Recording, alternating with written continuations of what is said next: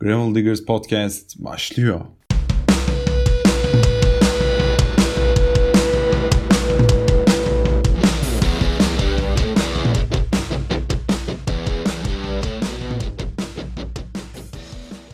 Gravel Diggers Podcast'in 13. bölümüne hoş geldiniz. Yine Arın'la beraberiz. Bu haftaki konuğumuz Muammer Yıldız. Hoş geldin. Hoş bulduk. Merhaba. Ee, o zaman hızlıca giriyorum. Tanımayanlar için Muammer Yıldız kısaca kimdir? Şu an ne yapıyor? Bisiklete binmeye ne zaman başladı? Ee, Muammer Yıldız kimdir? Dağ bisikletçisi olarak tanıyor herkes beni. Ve kökenim dağ bisikletçisi. Şu anda bir bisiklet firmasında ürün müdürü olarak çalışıyorum. Aslı bisiklette ürün müdürü. Bisiklete binmeye ne zaman başladın? Abi benim ailem de bisiklet imalatçısı. Onun için yani ben bisikletim ne zaman vardı, ne zaman yoktu bilmem. Hep bir bisikletim vardı yani. Babam da e, bu Yıldız bisiklet şeyi, üç tekerlekli e, servis bisikletleri falan, sucuların falan kullandığı yani yetişkin şeyler. Onları yapar. Şimdi gerçi motosiklete falan döndü de. Yani benim yaz tatillerimin hepsi işte torna tezgahında, gazaltı kaynak makinesinde, preslerde falan böyle geçti. İmalatın içinde büyüdüm yani. Ondan sonra bisiklete nasıl başladım? Ee, bisikletin içinde olduğum için hep gençlik yıllarında hep binerdim ama şey yani ben Fatih'te büyüdüm. Fatih'ten Sarıyer'e gidip gelip işte 60 kilometre "Aa, süper oldu falan. İşte 15-16 yaşlarında şey geliyordu. Abi o zaman 60 Ulaşılma- kilometre bindiğini nasıl anlıyordun? Şu anki mesafeyi biliyorum yani.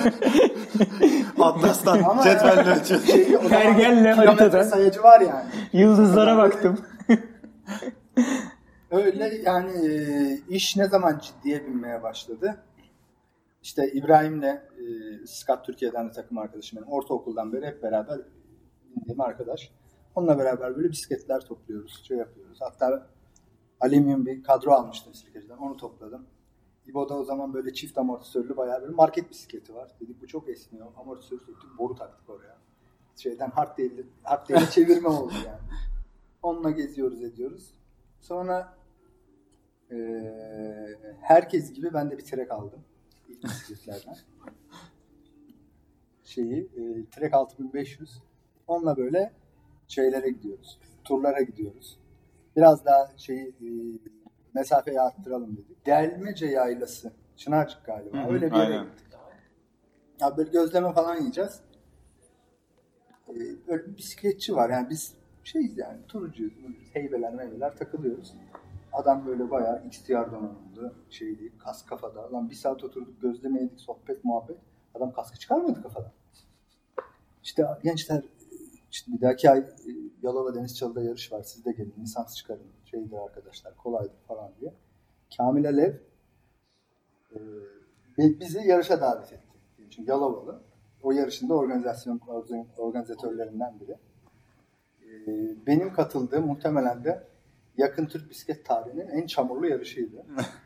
E, ben biraz böyle güreşçiden dönme bisikletçi olduğum için o şartlarda e, avantajlı oldum. Herkes yarışı bıraktı. İşte Bilal V frenli bisikleti var o zaman. Yalakta bisikleti yıkıyor çıkarıyor falan. Yabancılar var. Ortalık yani kan revan içinde herkes. Ya üçüncü ya dördüncü Türk olmuştum orada. Kimse beni bilmiyor. Ben kimseyi bilmiyorum yani. Babamla beraber çalışıyorum o dönem. Şeye e, pedikepler yaptık Amerika'ya ihracat. Yani fayton bisikletti. Bu bisiklet 100-110 kilo geliyor. Onların teknik aksaklıkları oldu. İki ay New York'a gittim. Hem o şeye teknik aksaklıkları gidermeye. Hem de bu iki ay işte sabah gidiyorum garajı açıyorum. Tamiratları şeyleri yapıyorum. Öğlen 12-1 gibi işim bitiyor. Çıkıyorum abi 100 kilo bisikletle. Manhattan'da taksici. Hadi ya. Bisikletli adam taşıyor. Al sana kuvvet antrenmanı. hatta, hatta bak şöyle ilk Kalpler iki katı dönüşte. geleli bir hafta olmuş. Etrafı zaten bilmiyorum. O zaman böyle Google şey map falan bir şey yok yani. Birisi çevirdi beni ben e, şeye Brooklyn'e gideceğim. Şey pardon. Broadway'e gideceğim dedi. Broadway nerede bilmiyorum. Böyle bakıyorum. Sen nasıl taksicisin ya dedi. Gerçekten yani taksici ama Broadway'in nerede olduğunu. Neyse öğrendim falan. İki ay orada o şeyle boş hali 100 kilo olan e, dolu hali 250 kiloya yakın bisikletli ufak tefek rampalar da var Manhattan'da. Orada antrenman oldu. Kuvvet antrenmanının kralı. Quadricepsler Fazla antrenman olmuş abi şeyini, biraz. O zamanlar dağ bisikleti gerçekten çok tatlıydı. Yani bu neyden bahsediyorum? 2005 sonu, yani 2006 başı. Kaçkar bisiklet antrenman yarışları olurdu her sene. İki, şey, üçlü seri. Geldim o zaman e, Valide Bendi'nde Belgrad'da yine çamurlu bir yarış. İşte start alındı. 3-4 tur geçti. Ben lider gidiyorum. Serkan Çalıcı var. Oğuz Özçelik var. Arkamda geliyor Oğuz hemen yakında. O zaman Atilla bisiklet takımı daha bisikletinde çok şeydi. Öyle geldim starta. İşte yağlama yapıyorum. Zincir mincir bitmiş. Yani gerçekten kimseyi tanımıyorum. Ben oraya yarışmaya gelmiş. Oğuz geldi arkadan. Atilla abi de orada diyor. Atilla abi önde kim gidiyor? Yani biri gidiyor da kim gidiyor? Bu gidiyor dedi böyle beni gösterdi. Kaçtım şey oldu. O yarışları ben ilk yarış tecrübem 1-1-1 bitirdim. Şey, kış antrenman serisini. Biraz fazla iddialı bir başlangıç olmuş abi. Hatta o zaman yani bisiklette beni bu kadar gelişmemin en büyük nedenlerinden biri e, Bora Tirki'dir. Hı hı. Ya ikinci yarışın ısınması ya iki, üçüncü yarışın ısınması. Isınırken Bora geldi böyle. Muammer pitbull forma giymek ister misin artık falan filan diye böyle sohbet muhabbet. Ben o zaman şey kırmızı Trek Volkswagen falan forma giyiyorum. Yanında da getirmiş ceb şeyde ya cebinde ya arabada. Ha, direkt ısın- forma var. Tabii tabii forma var. Direkt transfer edeceksin. Bana uygun formayı getirmiş. Giydirdi döndüm işte babam da şey foto Hasan fotoğraflar falan çekiyor. Ne oldu ya dedi ben gittim kırmızı formayla geldim turuncu formayla. Transfer oldum baba. Transfer oldum. Ee, o şeyle e, biraz daha iş ciddiye binmeye başladı diyeyim. Ee, Bora Türkiye'nin dağ bisikleti tecrübesi, e, kıymetli antrenörüm Bahadır İsteven'in antrenmanlarımızı yazmasıyla bir anda gelişir olduk. Yani şöyle anlıyorum o zaman. Sen başladın ve birazcık da şansın yardımıyla böyle bir antrenörle ve hemen Evet, bir takımla beraber çalışmaya başladın. Ee, o zaman e, ne kadar sporcu vardı abi bu takımlarda? Ee, ya da size malzeme desteği veriyor muydu takımlar? Abi şöyle e, önce ilk sponsorum babamdı benim. Zaten piyasanın içinde olduğum için toptan fiyatını alıyorum. Hala Ee, öyle. 2006 sezonunun ilk yarışı o zaman hep e, sezon açılışı Adana olurdu. Adana. Adana yarışı. Adana Dilberler Sekisi parkuru var böyle kayalık falan köprü geçi çok güzel tatlı bir parkurdu. Orada start listesinden çağırıyorlar şeyi.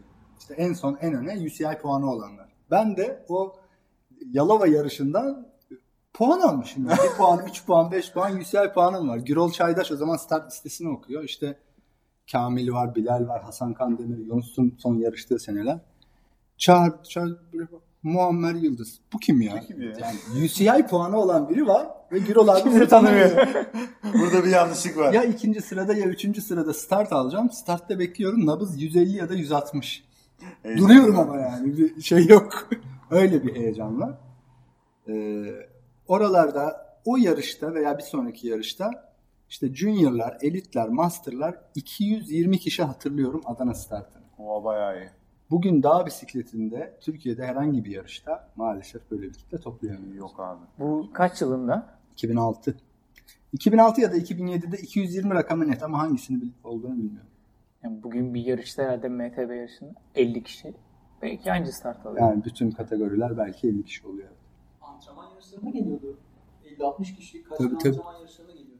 Sadece İstanbul'a. Bayağı iyi rakamlar. Türkiye aslında önceden MTB Türkiye Cennet. MTB'de gerilemiş yani. Ben hani Gürsel abiyle konuşurken de bunu anladım. Abi Teknoloji en, ilerledikçe- en, net örneği karşınızda şu anda. Yani o zamanlar bana abi yol bisikleti antrenmanı yapalım işte kışın, kışın dayanıklı yolda yapalım. Ya dağ bisikletçisi yola biner mi ya falan dedik. Şimdi senede iki kere üç kere biniyorum ben şeye yani dağ bisikletine. Bir de e, rakiplerime kıyasla benim bir dezavantajım İstanbul'da yaşıyor olmak. Türkiye şampiyonu oldum bildiğim kadarıyla. Ee, 2006'da yani ilk faal sezonumda Türkiye Şampiyonası Büyükada'da yapıldı.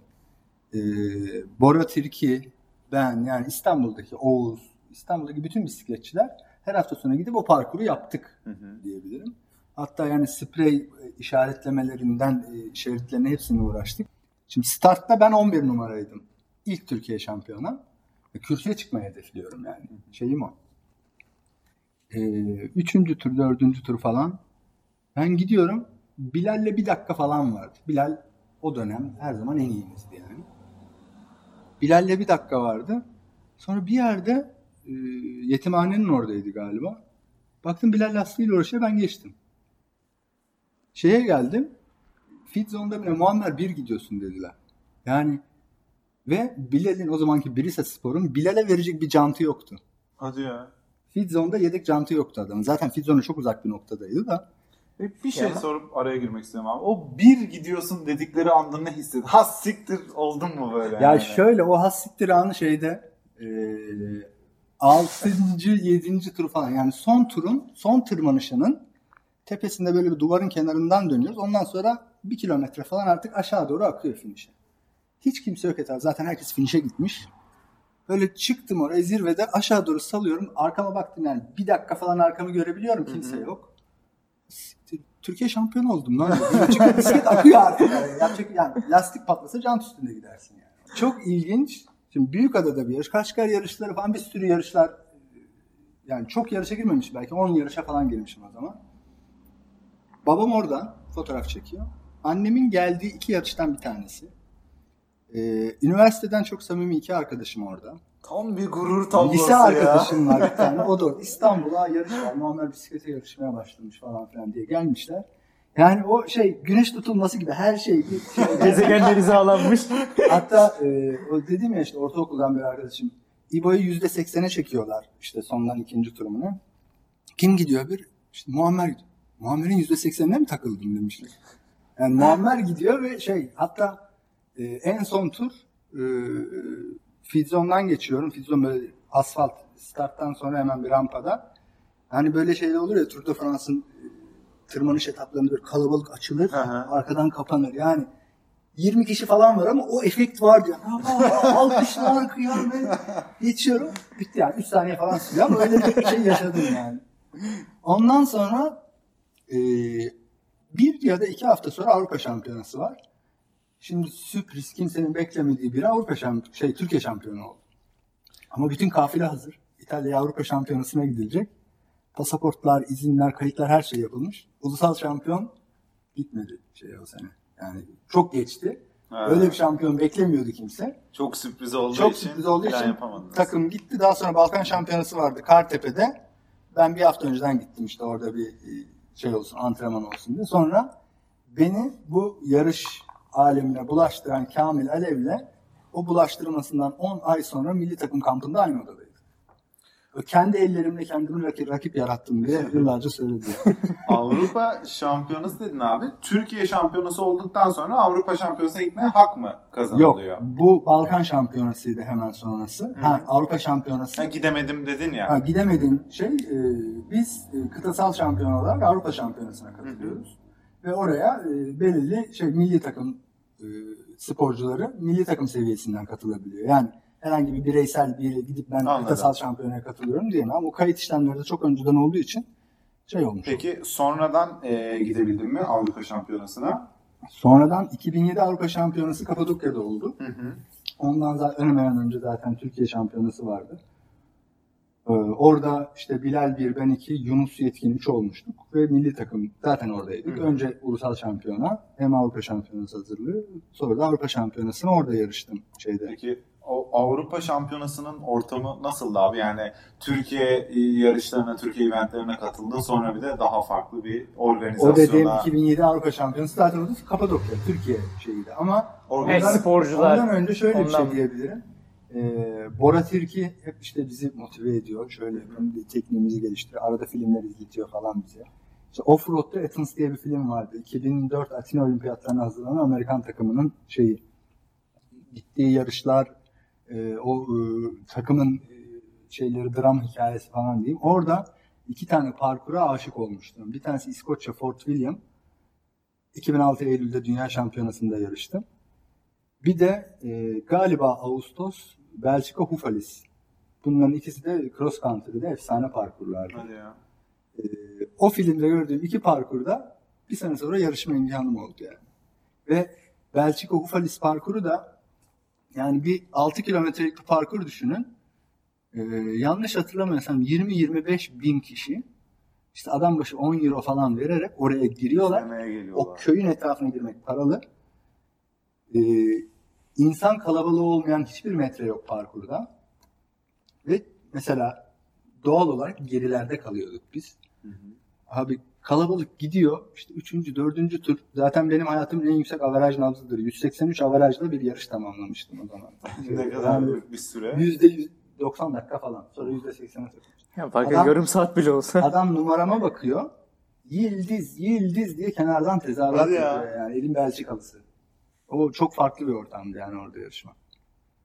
Şeyde de e, Fort William'da da puanlarımız dolayısıyla yine arka sıralardaydık.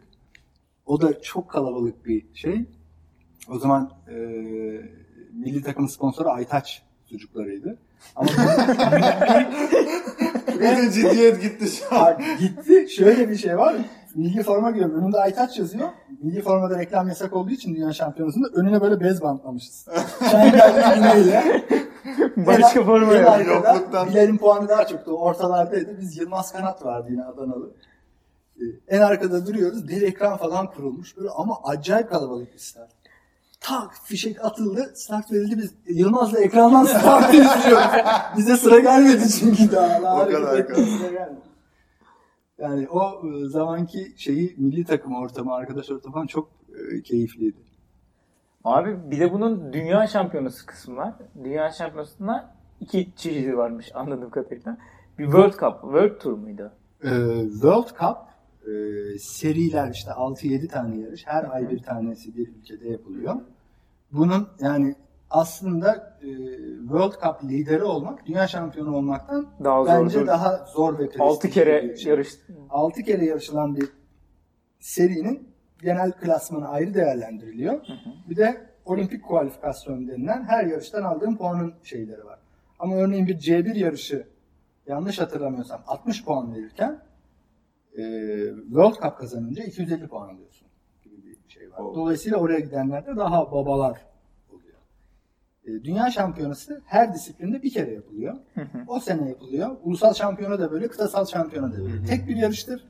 Kazanan şampiyondur. O günün şartları geçerlidir. Ne Aynı benim ulusal şampiyon olmam gibi. Yol bisikletinde de olduğu gibi. Yol bisikletinde de olduğu gibi tek bir yarış, tek bir şey.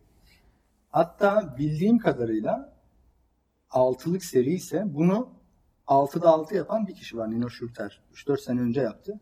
İkinciliği yok. Hepsini bir geçti. Yani tarihin en iyi dağ bisikletçisi diyebiliriz. Buradan Yani zaten sesleniyoruz. Podcast'te konuk olmak isterse bizi bulsun. Dünya Kupası e, galibiyetlerinde de Absolon'u geçti galiba. Bir Garneta dahil bir de Nino Schurter. Ve onlar sen yarışırken de yarışıyorlardı. Kapadokya'ya da geldiler. Evet. Nino geldi. Nino hatta kazandı değil mi burayı? E, Kapadokya'yı şey Hermi de kazandı. Ha, Hermi. Nino buradaydı ama 2 ya da 3 oldu. Kapadokya'da Cross Country Junior ikincisini hepiniz tanıyorsunuz. Peter Sagan. Hadi ya. Hmm. Ya ikincisi ya üçüncüsü Öyle. ama böyle yani şey Kabak kafa falan. kabak kafa O zaten hafif toplu. Yani daha bisikleti o bisiklete hakimiyeti, o wheelie yapmaları falan, bunny hoplar falan oradan geliyor Tabii, zaten. Sagan'ın. Nino hala güçlü. Ve hala en Hala aynı seviyede. Hala en seviyede. Kaç sene olmuş bak hala yarışıyor. Peki abi bir şey soracağım. Şimdi o zamanlar tabii bilgiye erişmek bu kadar kolay değil. Şimdi Ansiklopedi falan. şimdi mesela atıyorum MTB'de atı yani çok basitinden nasıl viraja gireceğini öğrenmek istiyorsan YouTube'a yazıyorsun ve giriyorsun. O zaman Yani- da e, o zamanlar Bora abi nasıl? diyordu, nasıl gireceğim? yani şöyle yapacaksın. nasıl yatayım? Ya o yürüyen ansiklopedi oydu yani. Benim tekniğimi çok geliştiren Bora Tilki'dir. Ve Bahadır abi bize kitaplar getirirdi. Bunları okuyun. Beslenmeyi şöyle yapın. Adam yıllarca Yani bir kürek- şey- kürekçi, Fenerbahçe kürek takımının milli takımının antrenörlüğünü biraz spor fizyolojisinden anlayan bir şey. Benim en büyük şansım o iki tane çok doğru insanla çalışıyor olma. Bir de eee, şunu söyleyebilirim. Maalesef eee, belki dağ bisikletine hastır ama hatalarından çabuk ders alan, hızlı öğrenen bir kitle değildi. En azından benim zamanımdaki. Şey mi? Yani mesela aynı ağaca girmeye devam mı ediyorsun? yani Ya aynı mesela- yanlış antrenmanı sürekli yapmaktan Evet anlarım yani veya herhangi bir antrenman programı takip etmeyip kafasına göre. Veya kendi antrenman programını yapan. Bana bugün bile gelip ya aman bana antrenman programı yazsın. Ya başarılı bir sporcu olmam benim bir antrenör Olduğunu olduğum anlamına gelmiyor yani. Benim Abi- için doğru olan senin için doğru olmayabilir yani ben antrenman programı yazamam. Niye? Şey var. Triatlonda mesela 3 kere dünya şampiyonasına gidersen hemen antrenör yazıyorsun profilde. Ee, abi peki antrenmanların falan nasıldı? Yani Ee, biraz hani böyle Yani bunu şöyle bir şey yapabilirim. Ee, Yani mesela şöyle sorayım hani yolda mesela diyoruz ya işte bir gün şey yaptım işte bir oturmak yaptım bir gün interval şöyle bir interval yaptım falan şeklinde. Hani dağ bisikletinde ya nasıl oluyor sen neler yapıyordun? Abi bir kere bütün antrenmanda? antrenmanlarım dağ, bis dağ bisikletindeydi. Ama işte yol bisikleti antrenmanı falan. Silik lastik takardık en fazla. yani 26 dağ bisikleti. Ee, kış antrenmanları genelde uzun mesafeler falan oluyordu. Hı hı. Yine ormandasınız ama. Yo şey yapıyorduk mesela. Ha, asfaltta mı çıkıyordunuz? Asfaltta çıkıyordum Selim Paşa'ya gidip geliyordum E5'ten yani. Hı. Çünkü o zaman ya o tempo yapabileceğin ancak Yol. E5 Evet, bir şey yol. vardı. Veya şey antrenmanını hatırlıyorum mesela. %70 nabız 20 dakika, %80 nabız 20 dakika, %90 nabız 20 dakika, 4 set. Yani 4 saatlik bir antrenman ve antrenmanın sonunda %90'la gitmen lazım 20 dakika boyunca. Öf. O şeydi yani bitiren antrenmanlarda. Aslında antrenmanın en zor şeydi. 1 dakikalık intervaller yani. 1 dakika %100 çünkü. Onda Ortaköy, Ortaköy Portakal yokuşunu herhalde binlerce kez çıkmışım. çıkıp çıkıp iniyordum. Peki salonda zaman geçiriyor muydun? Kışın evet. Yani ağırlık. Ağırlık şeyi özellikle. Yani şu anki bacaklarıma bakıyorum. O zaman ben pis pis zaten. Yani Bundan da Abi hala tayttan fışkırıyor ya. Kışın bir Yok kere yani sürdük. o şeyi, yani 300 kilo 350 kilo leg presslere giriyorduk. Yani kafaysa şeyde biz böyle antrenmanı bitiriyorduk. Salonun sahibi şey dedi. Gençler ağırlıklar aşağı indi. Ayıp oluyor. o kadar basıyorduk diyorsun. Yani Abi peki bu kadar işte World Cup'lar, dünya şampiyonalarından bahsettik. Hani e, olimpiyatlar senin e, tecrübenin içerisinde var mı? Bunlarla şöyle neler e, yaşadın? Türkiye'den 32 yıl sonra daha bir, yani bir bisikletçi olimpiyatlara gitti. 2008 32 Pekin'e. yıl. 32 yıl. Ee, Bilal Akgül gitti ve aslında şöyle 2006'da Bilal'in yaşadığı e, şanssızlıkla benim şampiyon olmuş olmam olimpiyatlara götüren bir şey açtı aslında. Çünkü olimpiyat puanı bir ülkenin en iyi spor 3 sporcusunun puanının toplamıdır. Toplam. Şimdi ben orada şampiyon olunca çok büyük bir puan aldım. Dolayısıyla bir anda o 3 sporcudan o kotaya girmiş oldum. E, insanın üstüne ulusal şampiyon, yani bir sene o formayı giymek zorundayım bütün UCI yarışlarında. Şimdi o formanın ağırlığı ekstra bir motivasyon da katıyor. Ve yani onun hakkını verebilmek için ben artık her şeyden feragat ederek sadece neredeyse bir profesyonel sporcu gibi yaşamaya başladım. Çünkü yine babamla çalışıyordum. İşte sabah bir antrenman, sabah 9'da iş yerindeyim. Akşam 5'te çıkıyorum. Ya bir daha bisiklet ya da salon antrenmanı falan. Böyle bir tempoya girdik. Ve e, 2006 için bir Bilal Akgül, iki ben, üç Kamil Elev. 2007 için de yine Bilal bir, ben iki, üç Mehmet Kurt.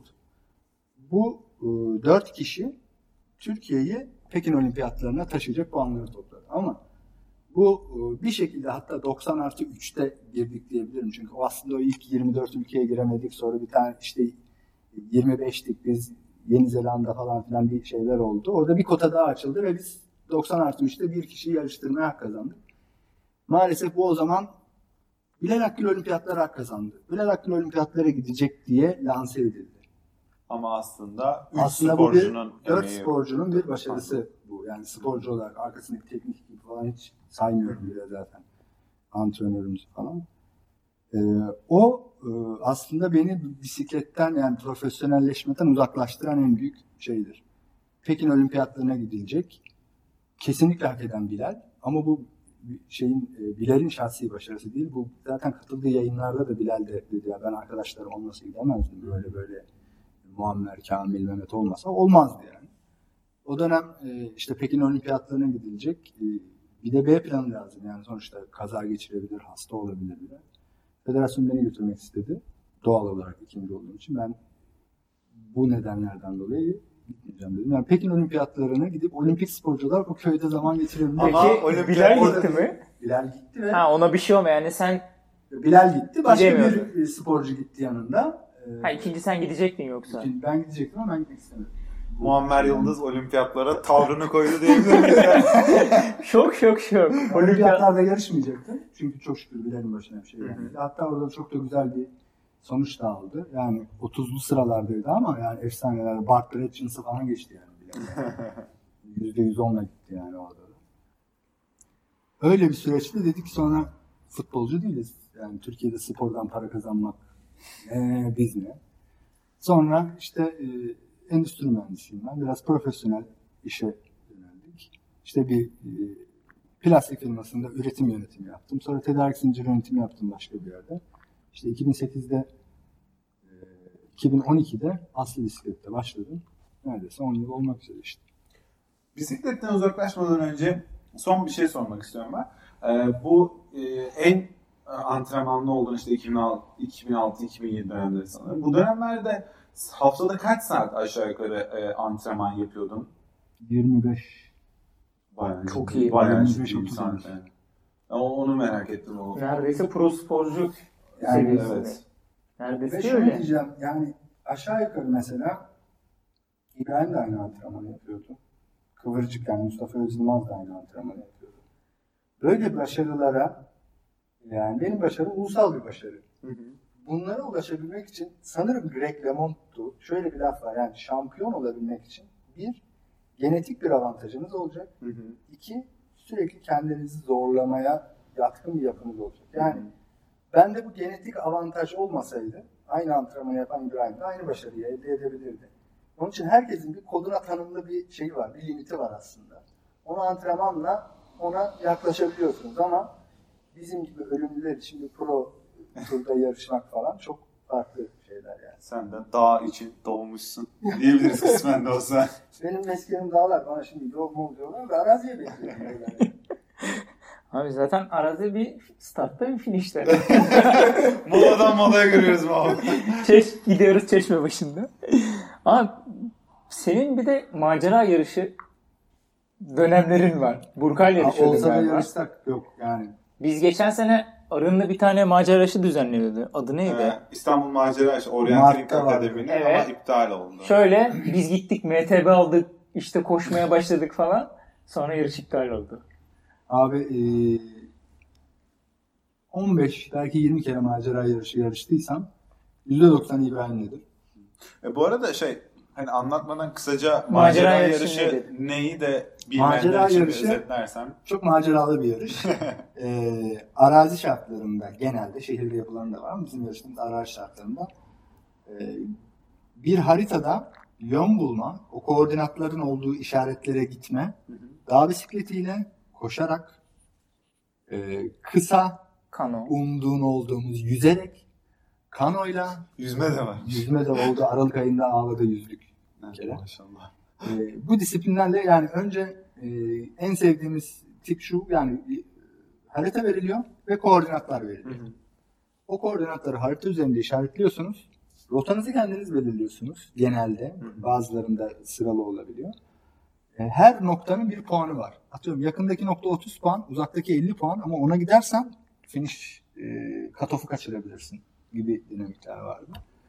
E, İbrahim'le e, en çok şeyde yarıştık. Kurabiye macera yarışı. Macera Akademisi düzenlendi. maalesef Maalesef, bitti. Geleceğine dair söylentiler var ama umutla bekliyoruz. Caner abiye sesleniyorum. Bu da yine e, Metebe gibi böyle e, azalarak yok oldu. Olur, olursa bir antrenman yaparız beraber. Öğret bize. E, ilk yarışlarda özellikle şöyle oluyordu. Mesela e, Alptekin ve Ayşin yarışıyorlar. Onlar daha haritaları falan daha kuvvetli. Biz tam kaplumbağa tavşan şeyi. Böyle basıyoruz, aldır aldır aldır kayboluyoruz, geri geliyoruz. Bir sonraki noktada Kontrolsüz Alp, geçiyor. Alptekin böyle zımbayı basarken merhaba biz de zımbayı. Roket tekrar devam ediyoruz. Bir sonraki noktada Ayşin zımbayı. Merhaba çocuklar. Onlar da sakinler ama biz falan onu Tabii 3-4 yarış, bir şey 5 yarış sonra artık haritayı da şey yapmaya başladık. E, Millet kışın e, şeye orienteering antrenmanlarına gidiyordu. Biz yarıştan bir hafta önce şey 1 bölü 25 bin haritaya alışmak için gidiyor. Ha geldiler yine. bir harita görelim en azından. Macera yarışlarında en son geçen sene Firik'te iki günlük bir macera yarışında Aykun'la yarıştım. Aykun da Türkiye'nin en iyi orienteeringçilerinden biri bence. Hatta MTB o şampiyonasında da dereceye girdi. Biri, yani böyle 40 yaşına doğru milli falan olacak yine. Haritada sıkıntımız yoktu yani şeyde. Bir kere İbo sakattı Cemal'le yarıştım. İbo'nun dub- dublörü gibi zaten benziyorlar. Ee, Burkay'la macera yarışı yarışmadım ya. Aa nasıl mi? olur ya? Ayrı Burkay'la yeteri kadar maceralar ya. yaşıyorum. macera yarışına girmeye gerek yok. Burkay demişken. Muhtemelen dünyanın en fazla şey TCR TCR'e katılmış e, konu e, Konu sahip olan programı. podcast'ı olarak e, abi. yine Transkontinental'e katılmış bir konuğumuz var karşımızda. Şimdi abi dağ bisikleti yaptın dedin ki işte yol nedir falan dedin. İşte macera yarışı. Sonra böyle TCR bir anda yolun düştü. Ee, nasıl düştü yolun TCR'a? Neden? Abi TCR nasıl düştü? Her hayvanlığı yaptım. Bir de bunu mu yapayım dedin. Ee, TCR'ı biz o fikir oluşmadan bir sene önce ben o yarışı bir şekilde görmüşüm, paylaşmışım falan filan. Asıl şey Rumeli Hisarı'nda biterken TCR No 3 biz organizasyonu uzaktan duyuyordum ben ama o yarış beklenenden çok daha uzun sürdü. Finish partisinde çok az kişi vardı. Ve e, Gürsel abiydi sanırım bize ulaştı. Dedi alternatif bir şey yapılacak. İşte Sedano konsept oraya yakın. Sonra orası finish şey oldu. Biz de hay hay dedik. O adamların bir sefil hallerini görünce bize çok çekici geldi. Yani. Orada oluştu ama bu kayda da bende de tam şey yok. Ya biz buna gidelim dediğimizi hatırlamıyoruz. Bak kaydolmuştu herhalde öyle oldu yani. Ee, ve double cap olarak kaydoldunuz. Ee, partnerine nasıl karar verdin diye sorayım mı? Yoksa Şöyle ya da neden double cap? Ha. Yani ayrı ayrı katılmadınız da biz buna beraber katalım dediniz. Abi antrenmanlarda beraberdik. O niyetle başladık zaten. Hı hı. Ama yani tek başına yapmak bana çekici gelmiyor. Bu kadar gelmiyor.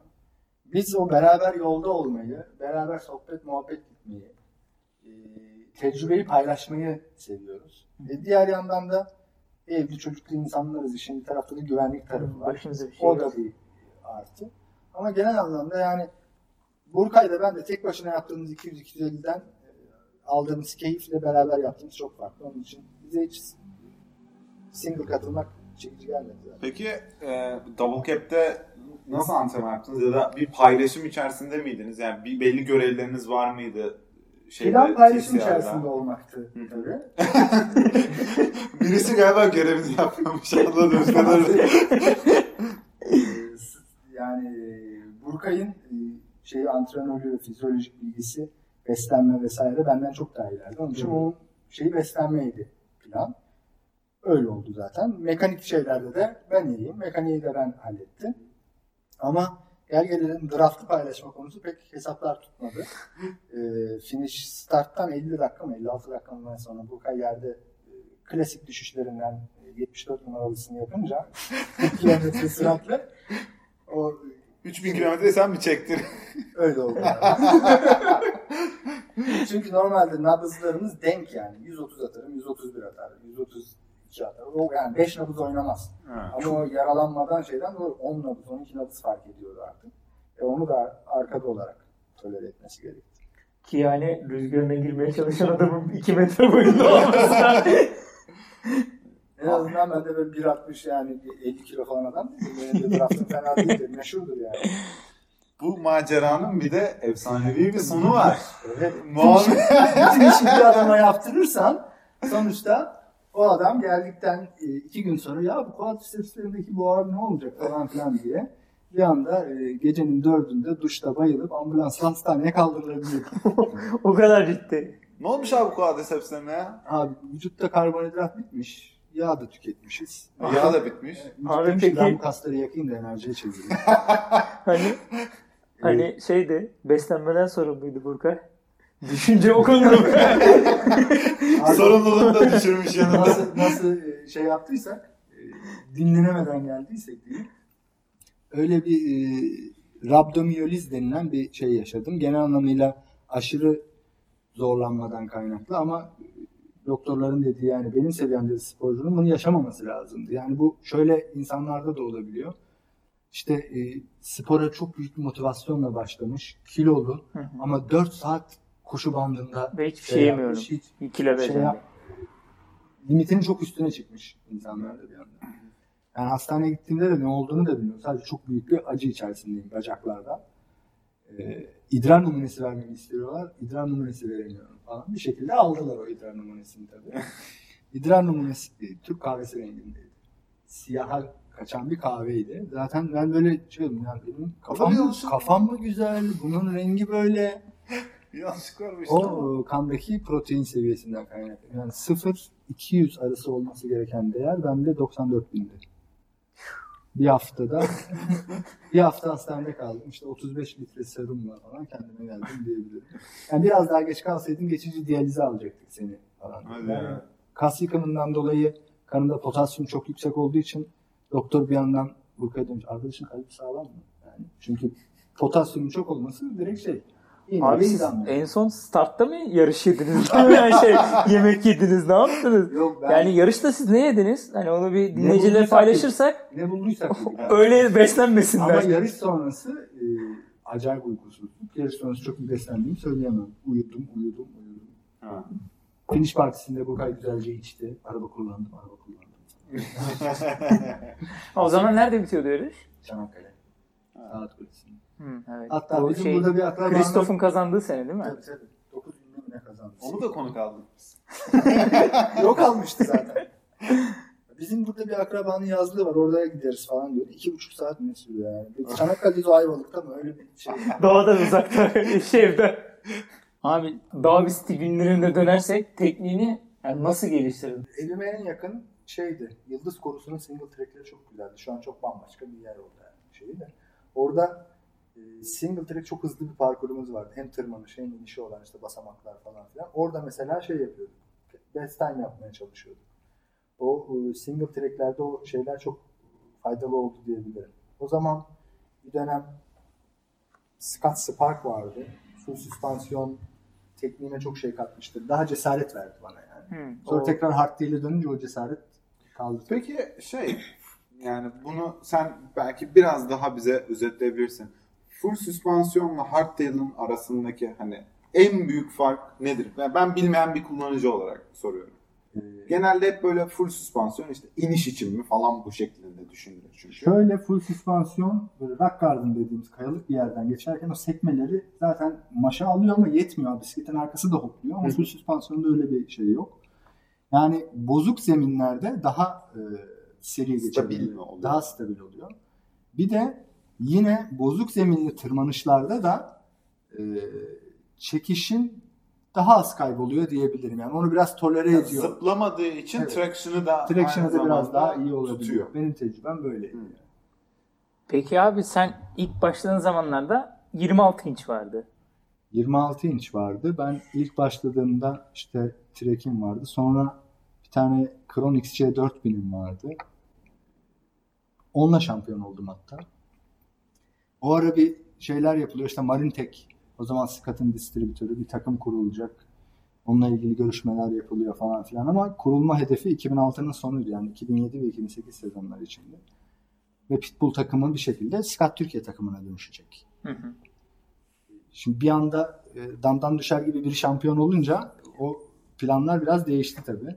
Şimdi ben ulusal şampiyonum. İşte bir tarafta Brisa var. Başka takımlar var. İlla ki biri beni isteyecek şeyiyle. O e, sezon sonu kurulması planlanan takım o sezonun içinde hemen ayaklandırıldı ve kuruldu diyebilirim. Yani iki buçuk yıl falan şey sürdü. O zaman da yani dağ bisikletine lale devri ve biz böyle takım aracıyla gidiyoruz. Bembeyaz formalar. Bisikletler şıkır şıkır falan. beyaz.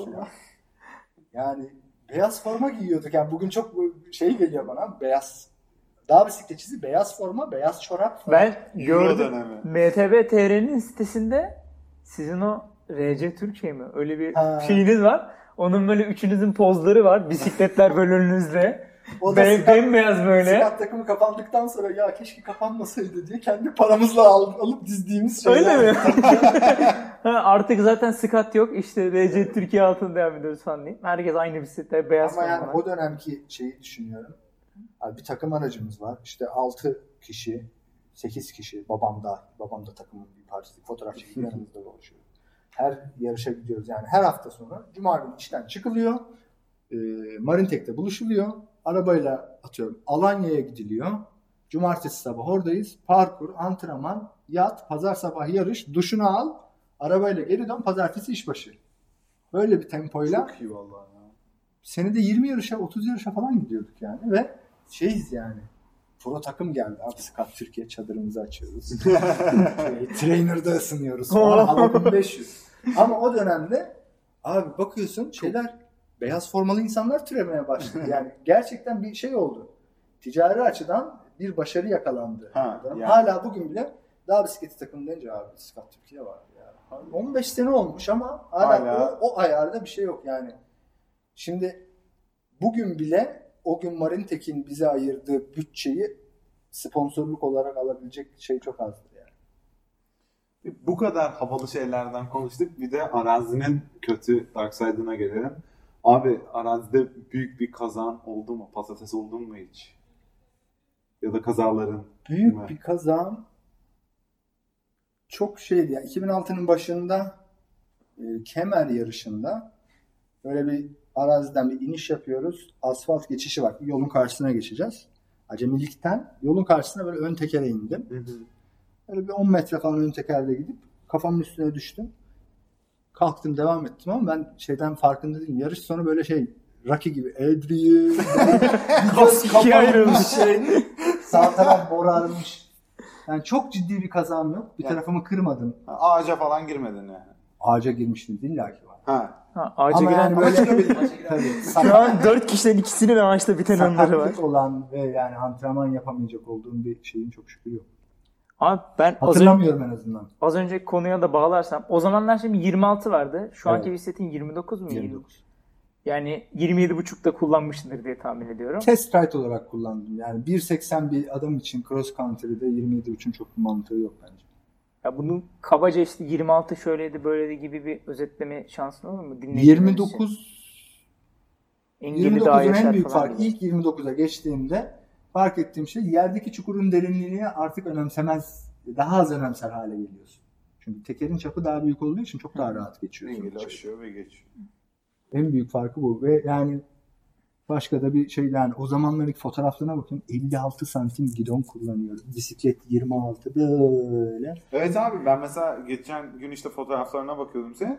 Hep bisikletlerin üstünde şey kadrolar size küçük gelmiş gibi duruyorsunuz. Yani o dönemin Abi yani sorunu bir de ben e, 76-77 kiloydum o zaman. Abi yani World Cup'a gidiyoruz. Ben güreşçilerden bir tanesi gelip böyle starta yamanmış gibi duruyor. Herifler 55-60 kilo falan ama yani bugünkü dağ bisikletinin geldiği noktada parkurlar çok daha teknik. Bugünkü yani elit top seviye bisikletçiler yani 70 kilonun altında değil böyle 70-72 oralardalar artık ama o zaman çok tırmanış odaklı bu kadar tekniği olmayan parkurlar vardı ve incecik adamlardı. Ben çok kalın kalıyordum yani şeylerin. O zaman yavaş yavaş şeylere geçelim abi. Seyirci sorularına Seyirci geçelim. soruları. İlk soru e, Yakinen tanıdığım yakinen birisi. taşı- tanıdığın bir isimden Burkay'dan. E, patlayan şeker ve efekti nasıl olur diye sormuş Burkay. Abi patlayan şeker efekti şudur. Ee, yaklaşık bir hafta sonra oluşmaya başlar. Günde 15 saat bisiklete bindikten sonra bu çocukluğumuzda ağzımıza attığımız patlayan şekerlerin hissiyatı e, sele temas eden yerlerde çıkmaya başlıyor diye. Onu çeşitli kremlerle falan, e, onun uzmanı Burkay'dır. E, en iyisini o bilir. Lokman Hekim mi kendisi? Tabii. O çünkü bütün yol boyunca çeşitli kremler her ülkenin farklı markalarında e, Dur bir de malum, malum deneyim. malum yerlerinde deneyip hepsini tecrübe etmiş ve bu konuda uzman bir arkadaşımızdır. O zaman bu konuda bir gün Burkay'ı konuk almak isteriz. Patlayan şekerler ve çeşitleri konusunda Burkay şey yapabiliyor. Abi Yasin'in bir sorusu var. Burkay'ın en uzun yapabildiği kilometre nedir? Yalnız başına. Yalnız başına. Onu da ekleyelim. Muhafsız yapabildiği en uzun kilometre. Galiba 270 ya da 250. Yani bir kere Bandırma'ya gidip o akrabasının yazlığı Allah dağındaki şeye oraya gitmişti ama şey anlatıyor yani. Tek başına gitti. Rotası falan şey rotasını ben yapmıştım galiba. Hatta Burkay ve harita yani. Böyle gecenin ikisi üçü köylerden falan geçiyor. Köpekler geliyor. Ulan ne saçma iş lan bu tek başına binmek falan diye hiç keyif almadan bindi. 260-270 falan var. Burkay'ın şeyleri meşhur abi. Beraber biniyoruz. Moa markası com diye bir kavram var Burkay'da. Beraber biniyoruz ve bir şekilde GPS yönünden bir saniyeyle komu alıyor. Lan bütün kom şeyi ben çekmişim Allah segmenti. Kom Burkay'a gider abi. Okunmuş adam. Abi şeyde TCR'da e, Bosna Hersek civarı bir yerdeyiz. Böyle gidiyoruz. Değişiyoruz da böyle yokuş aşağı olduğu için Burkay arada öne de geçiyor. ben böyle yanından geçtim tekrar öne geçmek için böyle bak beğenmediğin hız 48 mi? 48'i mi beğenmiyorsun diye şey yapıyorum. Ben öne geçiyorum. Şey Burkay senin arkana işte geliyor yatıyor falan dedin ya şey reaktörü aldıktan sonra mı sana yetişebildi yoksa öncesinde yetişebiliyor muydu? E, Reakto'yu aldıktan sonra e, o şeyle e, aldı zaten Muamma yetişmem lazım. ben şimdi ona şeyi öneriyorum. E, Look'un E, E765 serisi var. Elektrikli. Şimdi onları kovalıyorum. Onlardan bir tane getireceğim. Şimdi ben birkaç aydır bilmiyorum. E, sana yetişsin tabii maçta tabii, sen o tabii. yüzden Yani biliyorsun. Herkesin bir motivasyona ihtiyacı Abi var. O da benimle o Onların Şey range'i biraz düşük oluyor. Şile'de biter herhalde. Tabii o şey işte. Yeniköy'den çıkıp bir kava falan, Fener'e falan gidip gelmelik. ya daha bir şey var. Şile'den Üsküdar otobüs var. Taksi var. Abi taksi çok yazıyormuş. Yok bir kere şeyde Burkay, tabii Burkay bir Ava'da mı ne patlamıştı? Ben de yani Almanya gibi Burkay patladı için ben de patlamıştım. Ava'da bekledik bir saat falan otobüs var en son taksiye bindik. 300 lira mı verdik o zaman buraya geldik. Öyle bir şeyde patladıysam giderim bankamatikten kredi kartından para çıkıp umurumda olmaz. 500 liraymış 1000 liraymış. Ben eve gideceğim duşumu alacağım abi. Burkay da benimle o şeyde aynı kafada yani. Abi peki tandemde zinciri nasıl kopardın? Abi işte o şey. Ne yapıyorsun abi? Abi şimdi bizim e, usta da bakma şeyine o da vatajı fena değildi. Abi biz Kartal'da falan bir kere yanımızdan bir böyle benimlece bir bisiklet geçti. Böyle şık şık şık.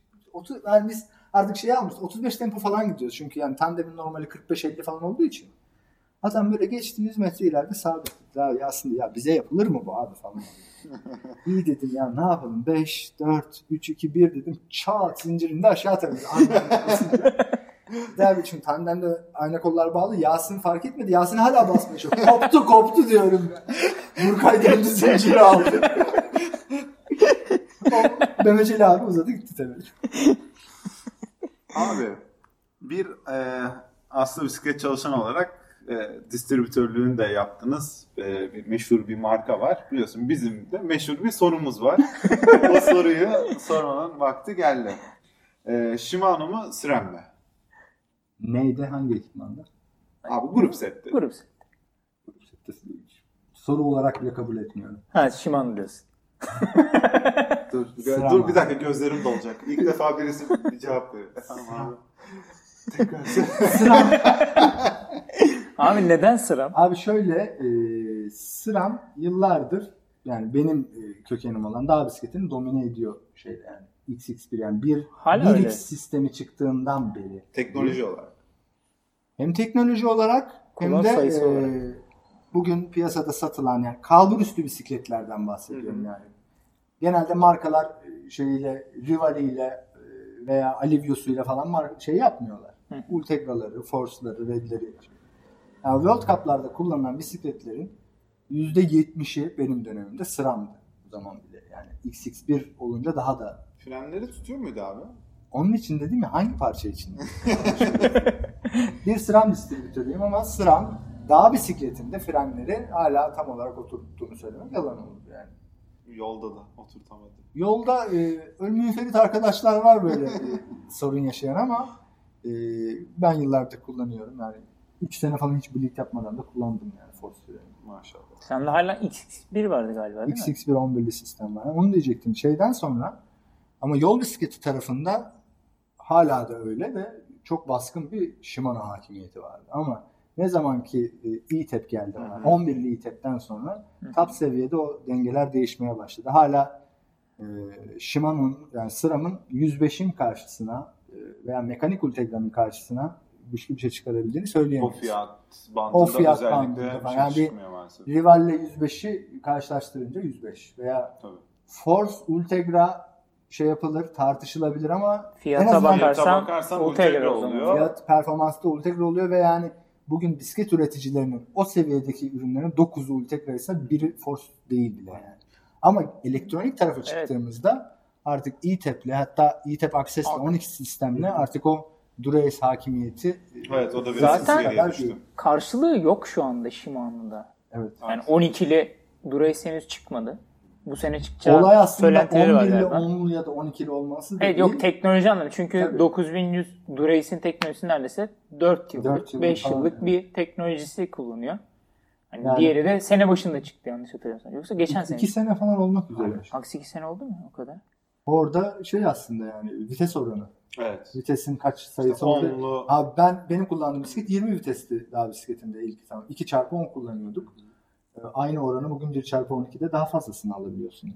%500 oran alıyorsun 1 çarpı 12'de. Hatta %510 oldu artık. Biraz sidik yarışına döndürdüler. Evet. İşte 10.50 çıktı sıramdan. 10.51 çıktı Shimano'dan. Şimdi 10.52 kasetler var Ha. sıramda. Ama o kadar büyüyünce de işte o aralıkların çok açılmasını sevmiyorum ben. Yani Dağ bisikletinde bak katılıyorum. Hı hı. Ee, şeyde arazide hiçbir şeyi yok. Hiçbir e, eksiklik yaşamadım yani o vitesin çok atlaması. Ama Zaten aynı bisikleti al ormana doğru yoldan çevirmeye asfaltta başla. sürerken Asfaltta o, o vites oranı o atlamalar çok fazla. evet. Ama arazide on numara. yani. Ya arazide zaten işte düz yolu buldum. 10 kilometre aynı tempoda çevirdim olmadığı için sürekli viteste oynadığından dolayı o aradaki at- atlamalar sana daha tolere edilebiliyor. O kadar Tabii, hissetmiyorsun. Ben hiç aramıyorum yani arada bir vites daha olsaydı diye. Çünkü çeviriyorsun, çevirmeyi bırakıyorsun, işte engelden atlıyorsun, bir şeyler oluyor. Ama ben Brix'te uzuna çıktığım zaman özellikle mesela 200 kilometreyi falan devirince artık sağ elim şeye yapışıyor. Sürekli vites geziyorsun böyle. Aradığın, yo- yorgunsun da biraz çünkü kadansı bulacağım falan diye bayağı eksikliğini hissediyorsun gerçekten. Ee, Muam çok teşekkür ederiz katıldığın için. Ben teşekkür ederim. Ee, bayağı bilgi dolu. Ya özellikle işte şu Dünya Şampiyonası World Cup'lar bayağı e, kolay kolay edinemeyeceğimiz bilgileri. Vallahi sen de kendi mazine bakınca tabii. Bu podcast yine Soul Rider Frameworks atölyesinde çekildi. Bize mekanını, kahvesini ve kurabiyesini eksik etmeyen Yasin'e de buradan çok çok teşekkür sunuyoruz. Görüşmek üzere. Gravel Diggers Podcast'ten bu haftalık da bu kadar. Hoşçakalın.